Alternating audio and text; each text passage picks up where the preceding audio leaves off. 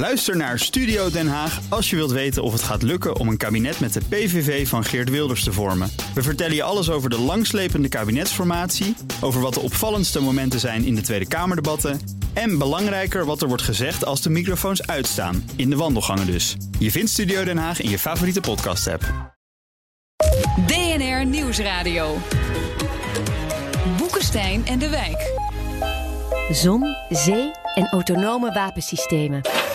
Hoe ver van uw strand staan de jihadisten? Zijn thuis de populisten al de baas? En wanneer breekt de Derde Wereldoorlog uit? Misschien heeft u dat retourticket helemaal niet nodig. Speciaal voor op vakantie. De meest deprimerende uitzendingen van het afgelopen seizoen in de Boekenstein en de Wijk zomerspecials.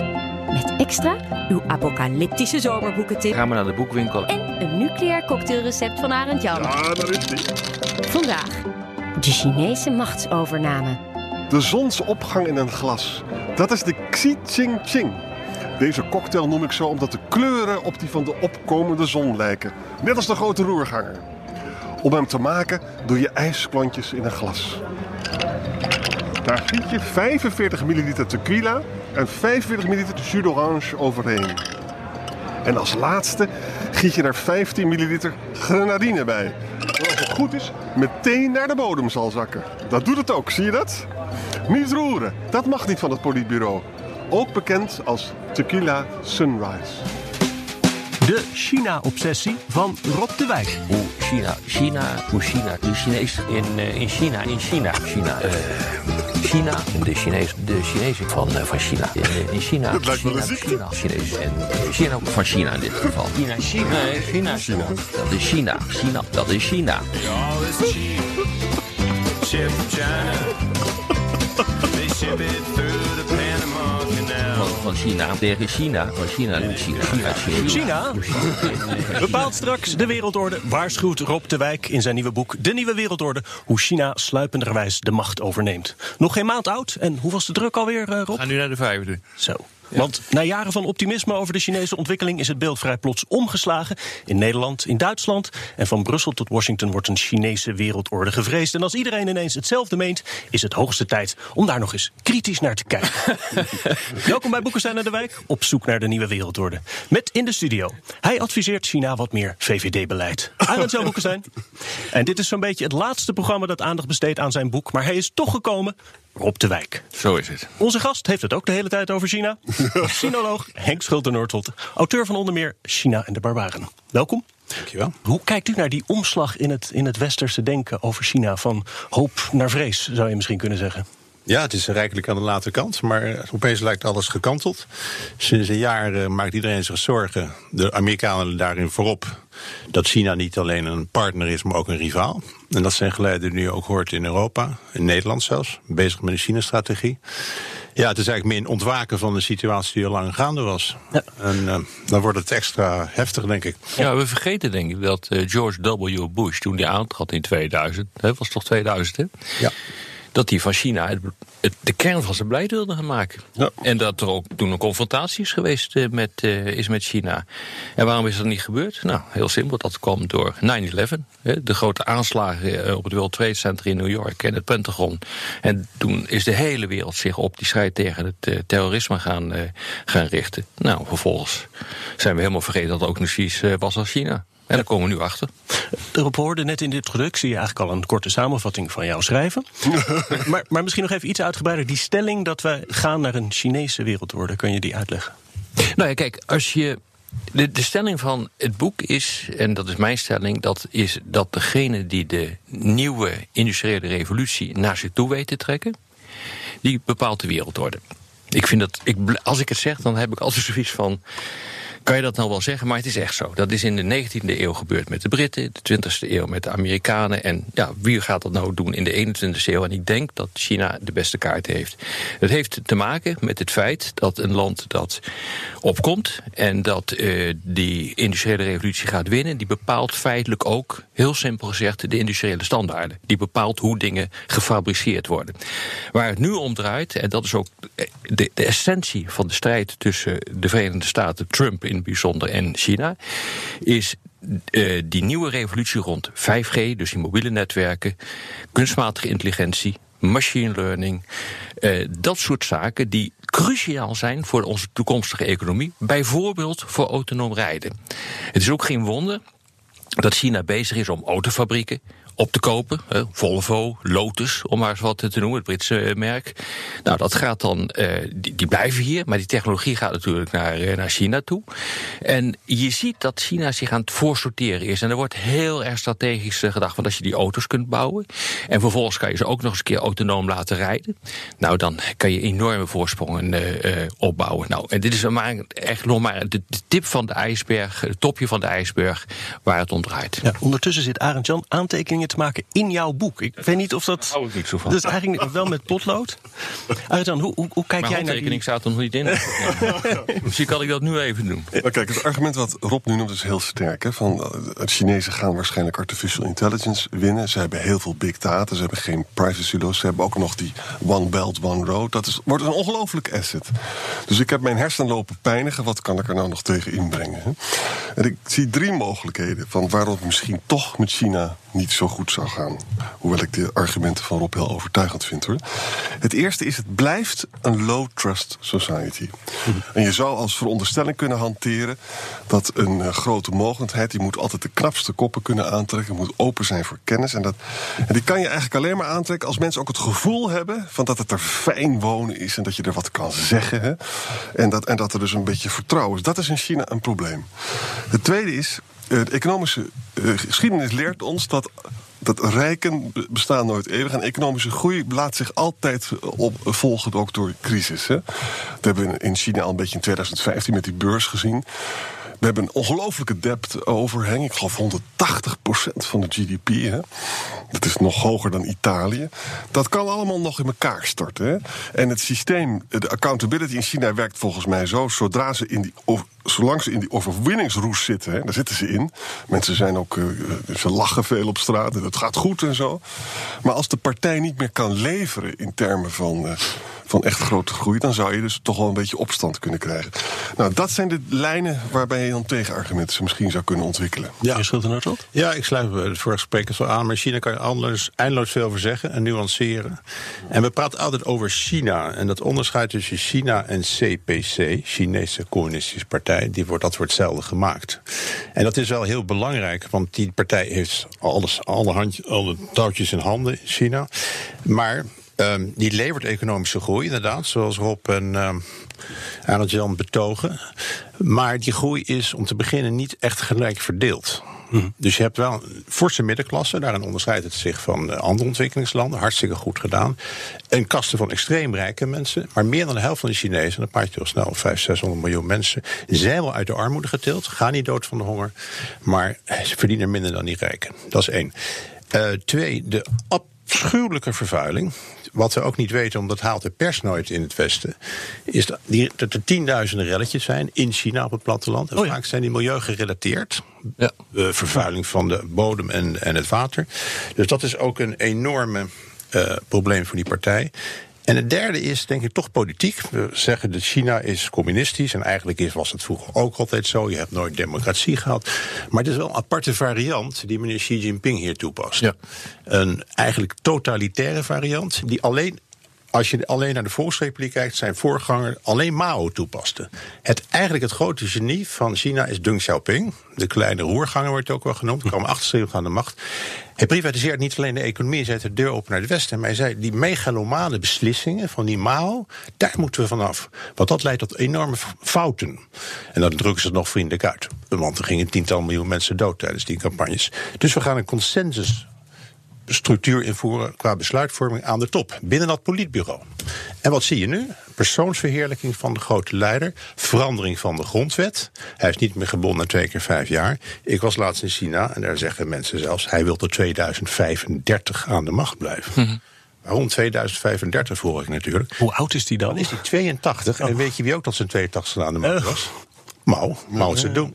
Nou, 2035 is ook een datum die wel genoemd wordt waarop eh, China de techmacht van de wereld moet zijn. 249, hè? ja, of Nou, ja, als eerste fase. 2049, Ja, eh, ja. dan moet het de supermacht van de wereld zijn. Dus dat eerste station op weg naar dat eh, heugelijke feit moet de techmacht zijn. Dus dan maakt hij gewoon de eerste, de eerste fase van die ontwikkeling af. Ik Die doelt op die speech hè, die hield. eh, ja, dat is eh, die, die, Ja. die roemruchte speech voor het 19e partijcongres. Wanneer was dat? Oktober 2017, hè? Ja, ja. Eh, toen heeft hij heel duidelijk die massagoed uit, uiteengezet. En nou ja, dat is wel een heel groot verschil met, met onze Westerlingen. Ik bedoel, voor ons is de horizon maximaal vier jaar. Elk jaar, elke dag gaat er een dag af.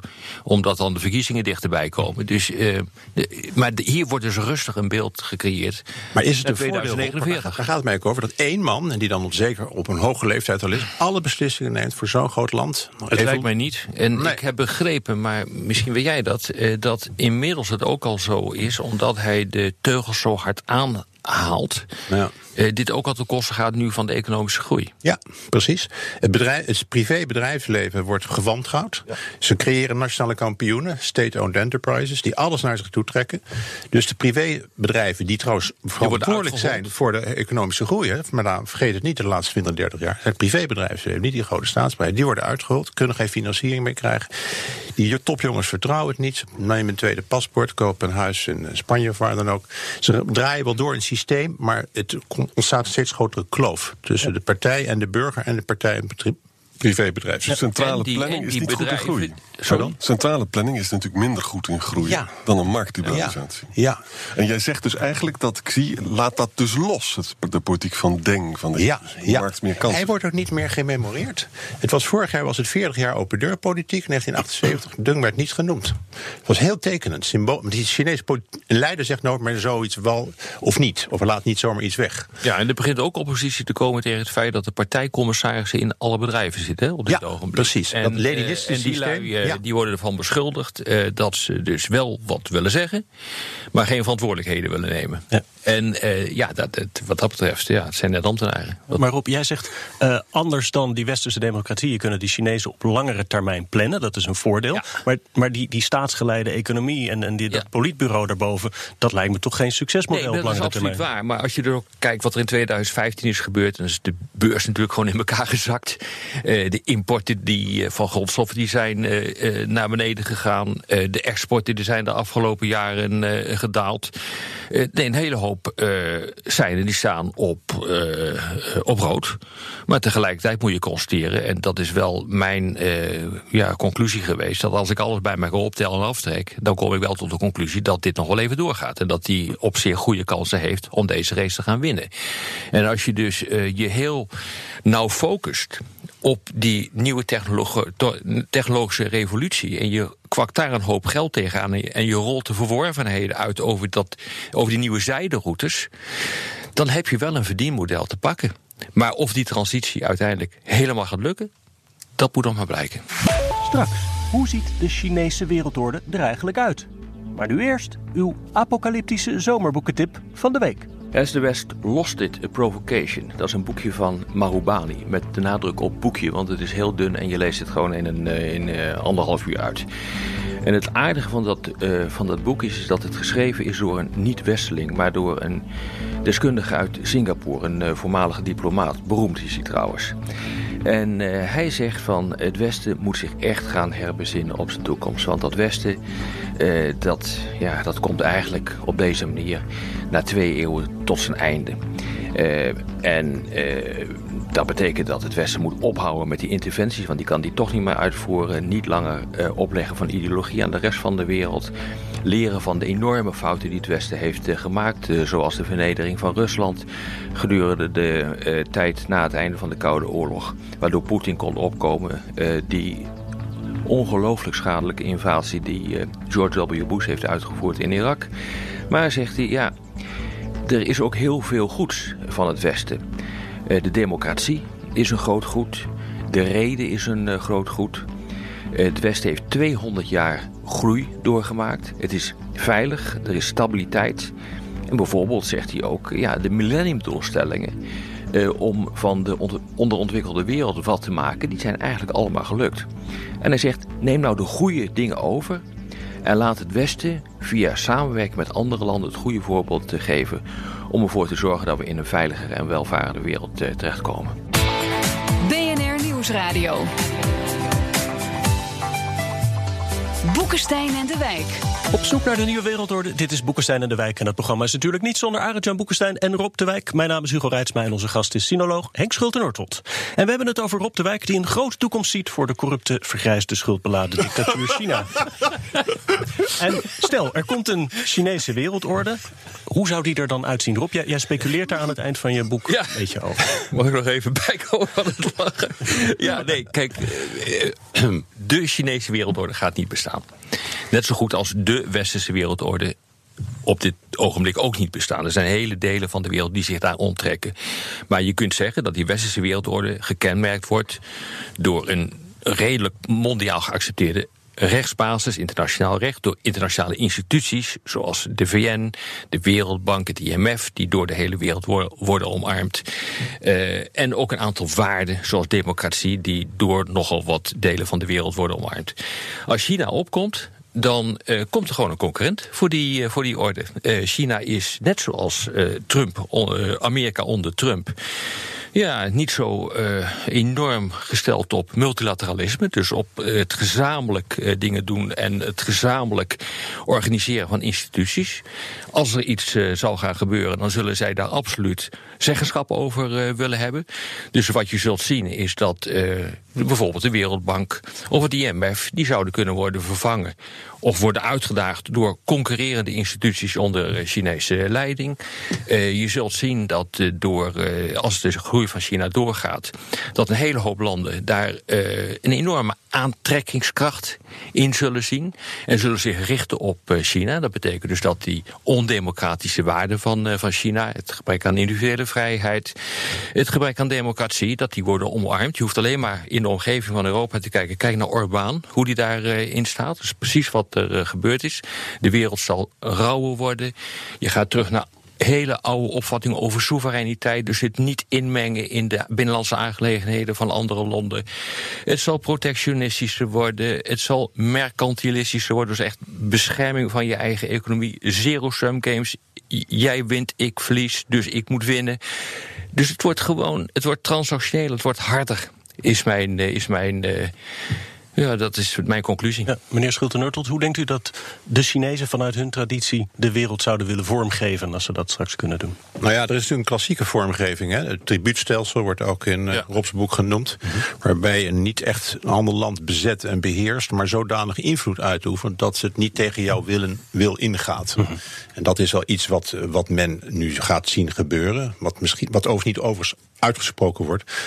Eh, maar bij het woord orde heb ik altijd een beetje moeite, want het dat suggereert een beetje dat een bepaalde ordeningsgedachte ook achter zit, die verder gaat dan het eigen belang. Want eh, inderdaad, wat je nu ziet aan de Chinese en buitenlandse politiek, die One Belt, One Road, de maximalisatie van het eigen belang van China. China heeft ook helemaal geen bondgenoten en wil dat ook niet eens meer. Dat weten we niet, maar sinds de Tweede Wereldoorlog hebben ze maar één bondgenoot gehad, dat was Rusland. Ja. Dat klapte heel hard uit elkaar in 1960. Poetin en Xi zijn dikke maatjes, maar er is geen sprake van een bondgenootschap. En dat brengt me op een punt van. eh, kijk, wat we gaan zien is dat er allemaal allianties tegen China worden gevoerd. Hè. Ja. Vietnam bijvoorbeeld is nu in Amerikaanse handen bijna gekomen. Hè. Want veel landen zijn bang. En dat betekent dat van China dus wordt vereist niet alleen dus balance of power, dat kunnen ze wel. Kijk maar hoe ze met het eh, One Road, One Belt in Oost-Europa aan elkaar hebben, eh, zonder Brussel paraat te plegen. Maar dan gaat het er ook om dat je gaat moet paaien en een beetje moet een beetje nep multilateralisme doen. Hè. En dat kunnen ze niet.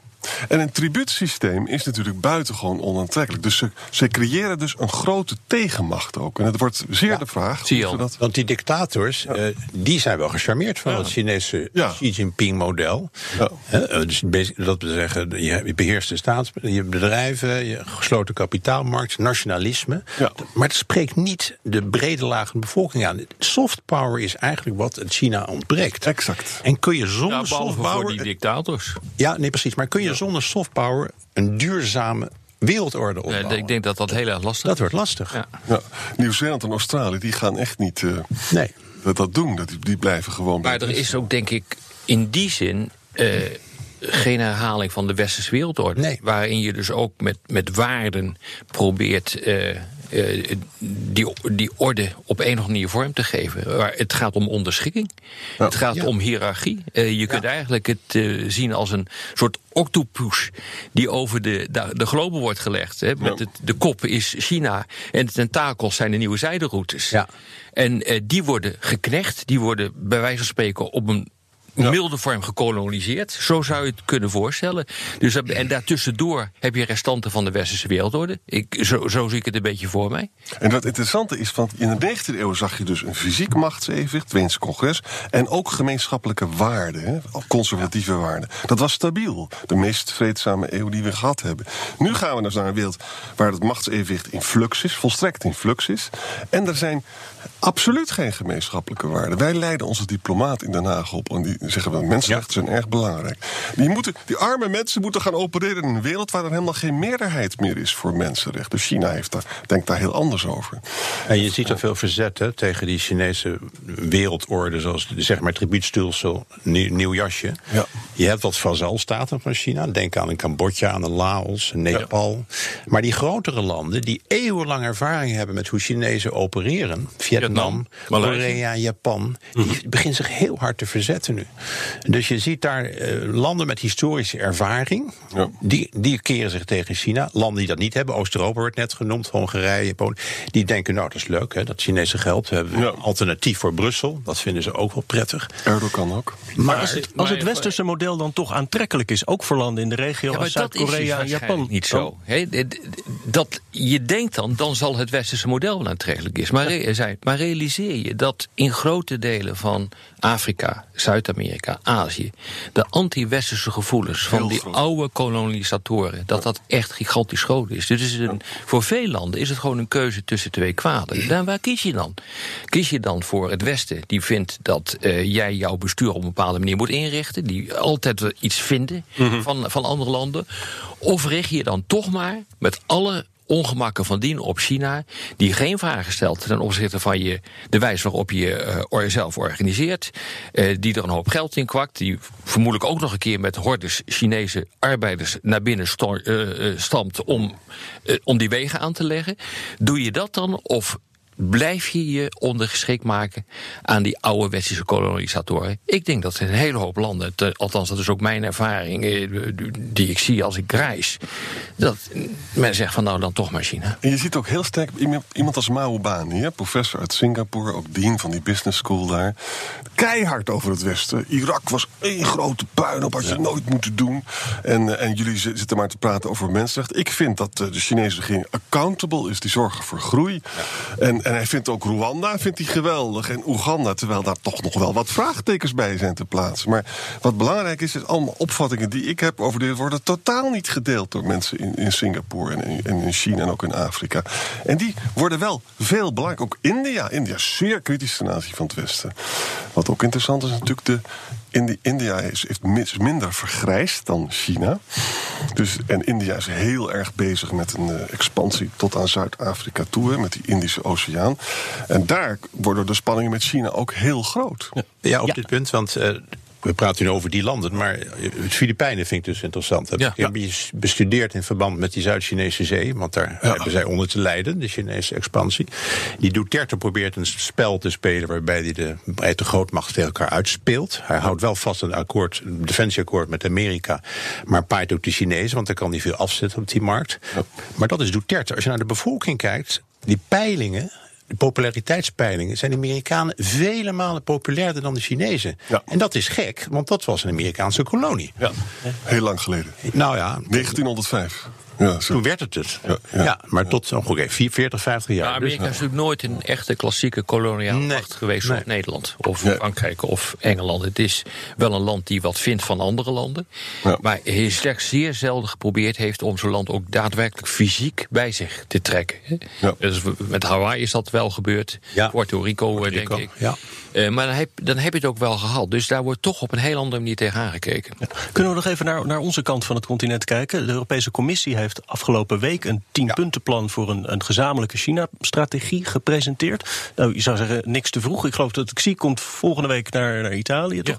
Begint er nu al iets van een antwoord eh, te ontstaan op basis van, van deze analyse? Ja, die tien punten. Ja, het, de eerste punt was weer, dat ging weer over mensenrechten en democratie. Daarvan had ik het gevoel van. Je kijkt er heel vies bij, Rob. Nou, nee, ik ben daar niet echt op tegen, want ik ben blij dat ik in Nederland woon.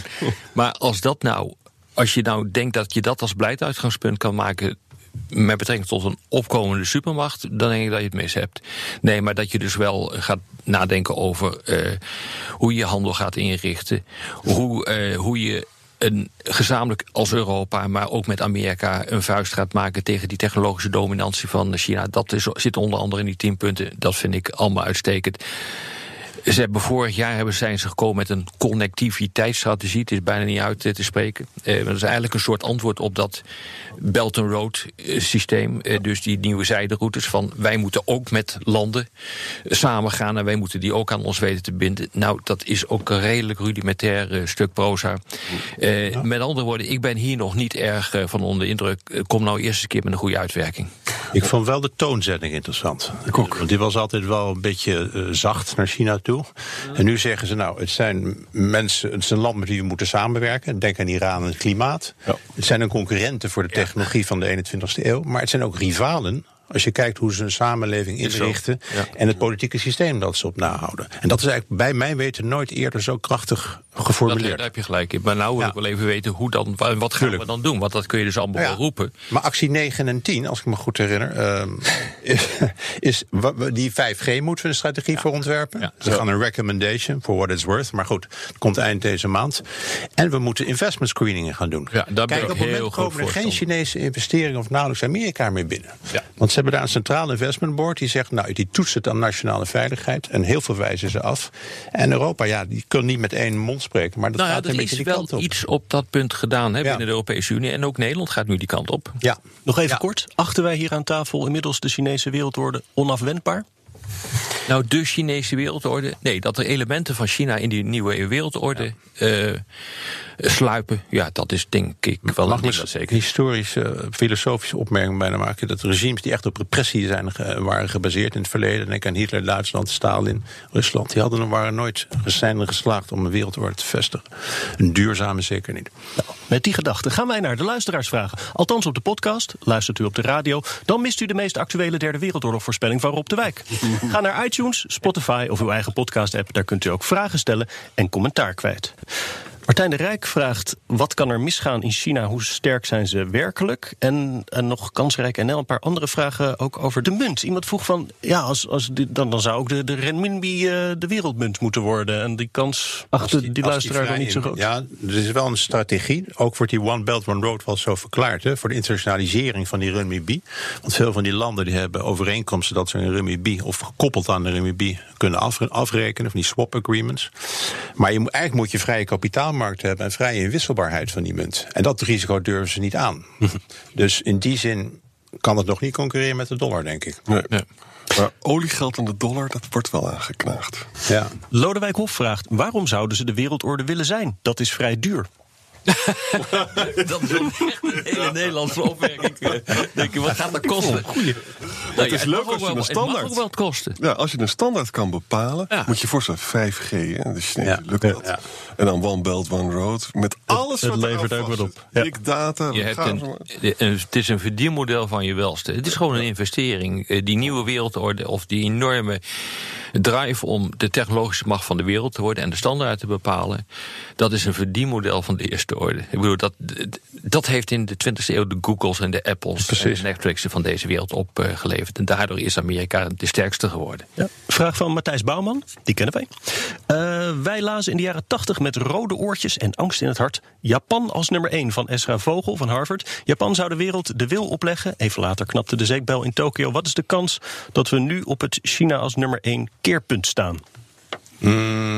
Goeie is ingezakt. Hè? Dat Zeker, zeker wordt minder. Ik denk dat China wel meer, eh, eh, laat ik zeggen, nationale middelen heeft. Denk even aan de bestedingen Middellands. Die waren in Japan natuurlijk was een exportgedreven economie. Dat was China ook nog steeds grotendeels. Maar hebben die enorme binnenlandse vraag, waar nog heel veel groei in zit. En ze hebben ook die historische drive, waar we het net over hadden.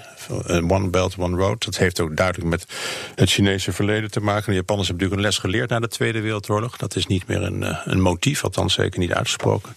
Maar ik denk vooral dit verschil in grootte, dat dat heel belangrijk is. Ja, en realiseer waarom eh, Japan, zeg maar, eigenlijk eh, al decennia lang stagneert economisch. Dat heeft te maken met eh, dysfunctionele politiek. Dus na het einde van de Koude Oorlog konden de traditionele partijen, die eigenlijk verenigd werden in hun anticommunistische gezindheid, die konden elkaar niet meer vinden. Dus daar, eigenlijk dat hele weefsel, dat brak uit elkaar. Dus gewoon een politiek probleem geweest. En dat speelt op dit ogenblik althans nog niet in China. Dus je kunt Japan en China in die zin niet met elkaar vergelijken. Mita Groeneveld vraagt: speelt het overschot in Oost-China van hoogopgeleide mannen die geen vrouw kunnen krijgen een rol bij de ambities van China? Mannen die geen vrouw kunnen krijgen, die zijn levensgevaarlijk. Dat is, ja, daar moet je altijd voor oppassen. Ik heb wel eens gehoord dat een van de risico's van de Chinese politiek in de toekomst is dat er allemaal mannen aan de macht zijn die verwende kleine keizertjes zijn. En dat is nooit weerwoord hebben gekregen, weerstand van broertjes of zusjes.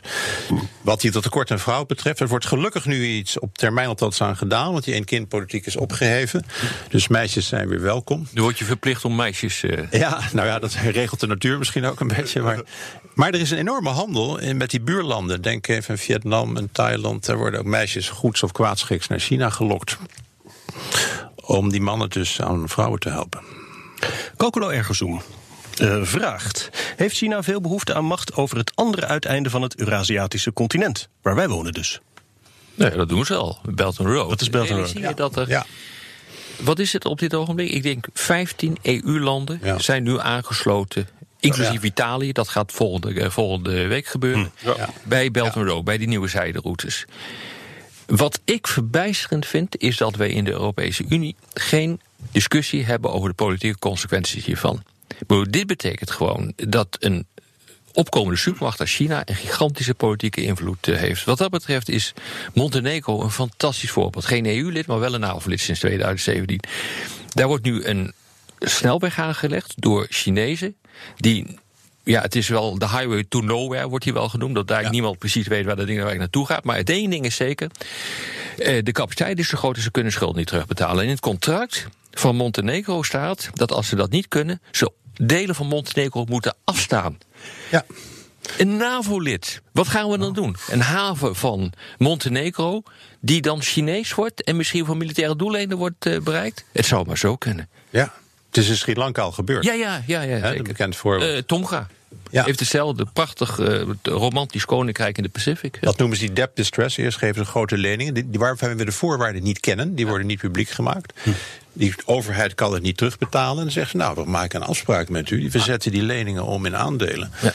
En de ironische kant van het verhaal in Sri Lanka is dat die, leen, of dat die eigendom dat ze nu krijgen, China Merchants, een groot staatsbedrijf, is voor 99 jaar. Ja. Als je Chinese geschiedenis kent, is het buitengewoon ironisch. Want de New Territories bij Hongkong Ja, ook in 99 jaar. 1898 voor 99 jaar afgestaan in Engeland.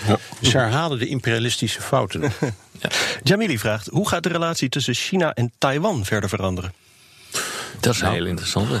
Ja, daar kan je zie veel wel over zeggen. Maar uh, Ik zie was heel agressief over Taiwan in zijn Ja, laatste speech. nou, dat moeten ze zijn hoor. Kijk, dat ze het met geweld mogen innemen, dat zeggen ze al, al sinds het begin van de Volksrepubliek. Je hebt zelfs een anti-afscheidingswet in 2005 aangenomen. Dat als Taiwan zich onafhank- onafhankelijk zou verklaren, dan gaan ze militair ingrijpen.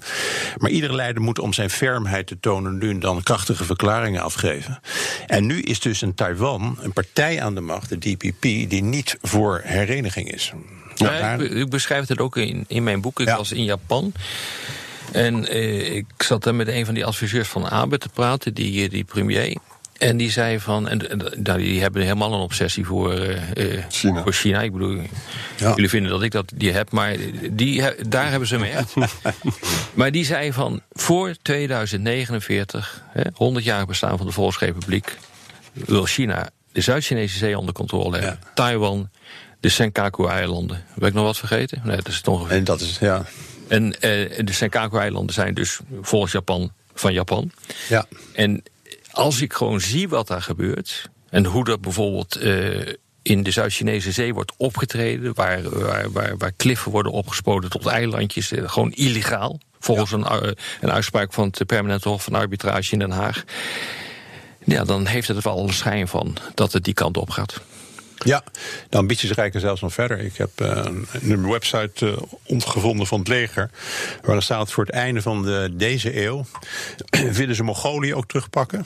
De, want dat was ooit, hoorde bij het Chinese Rijk tot 1911. Ja, die is nieuw voor mij. Eh, de gebieden twee in de Zuid-Tibet, wat, wat Chinese Zuid-Tibet noemen, in het noorden van de Himalaya, Arunachal Pradesh, wat nu bij India hoort. Ja.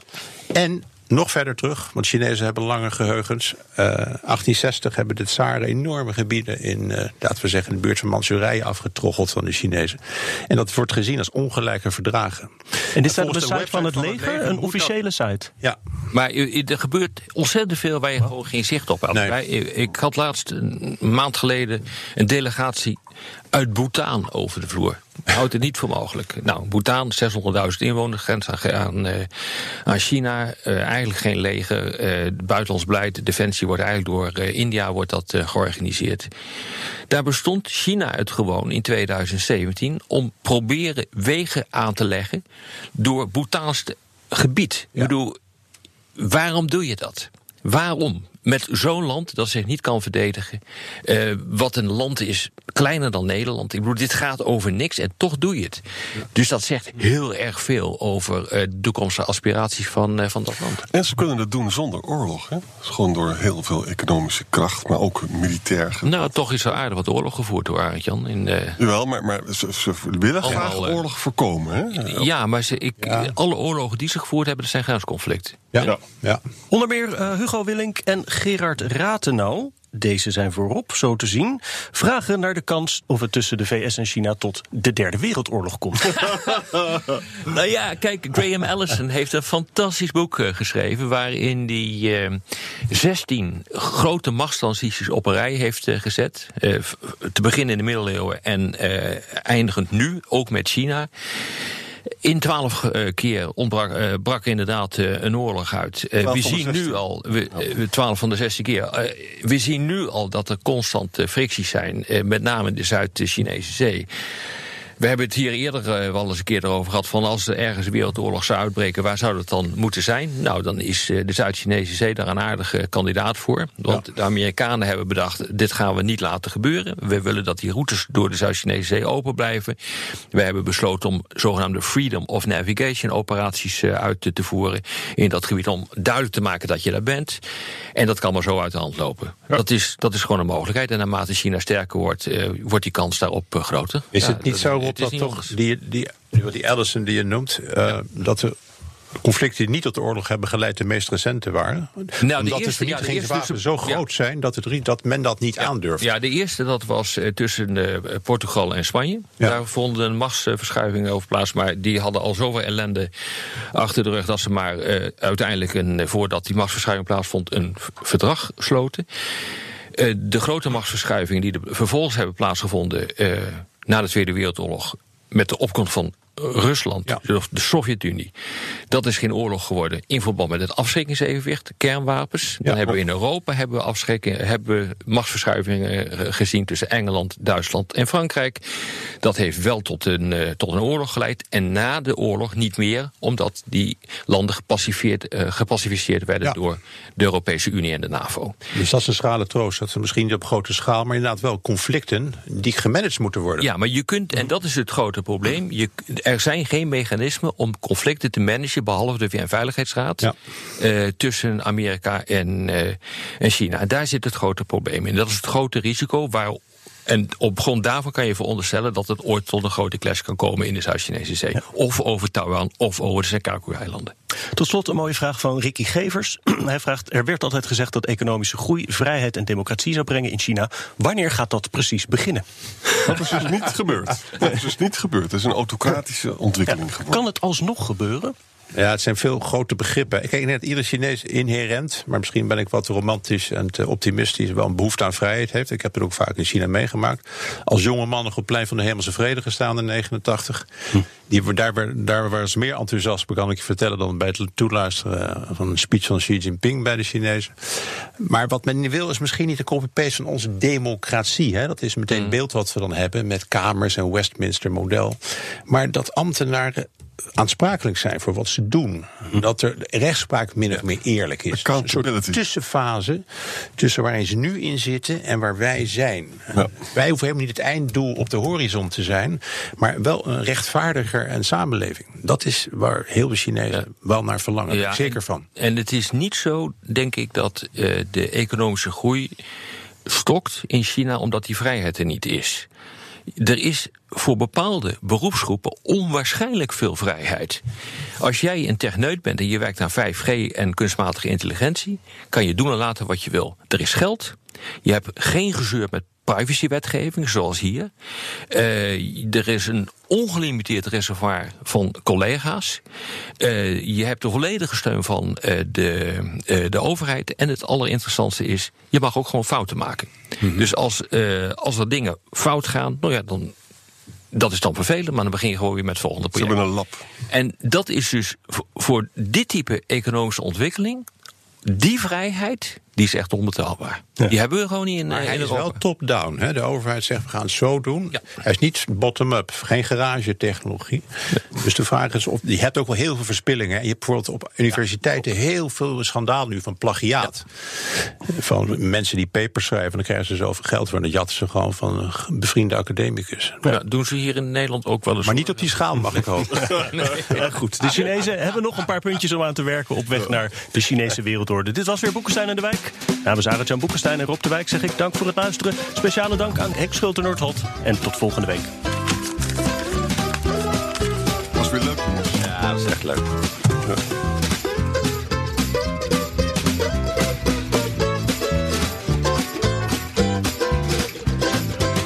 A garden hose guaranteed not to tangle. A set of knives that never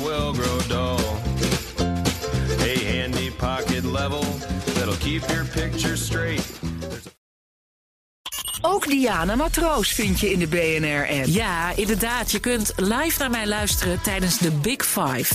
Ook handig in de BNR-app. Breaking nieuwsmeldingen, maar ook het allerlaatste zakelijke nieuws. En je vindt in de app alle BNR-podcasts, waaronder Wetenschap Vandaag. Download nu de gratis BNR-app en blijf scherp.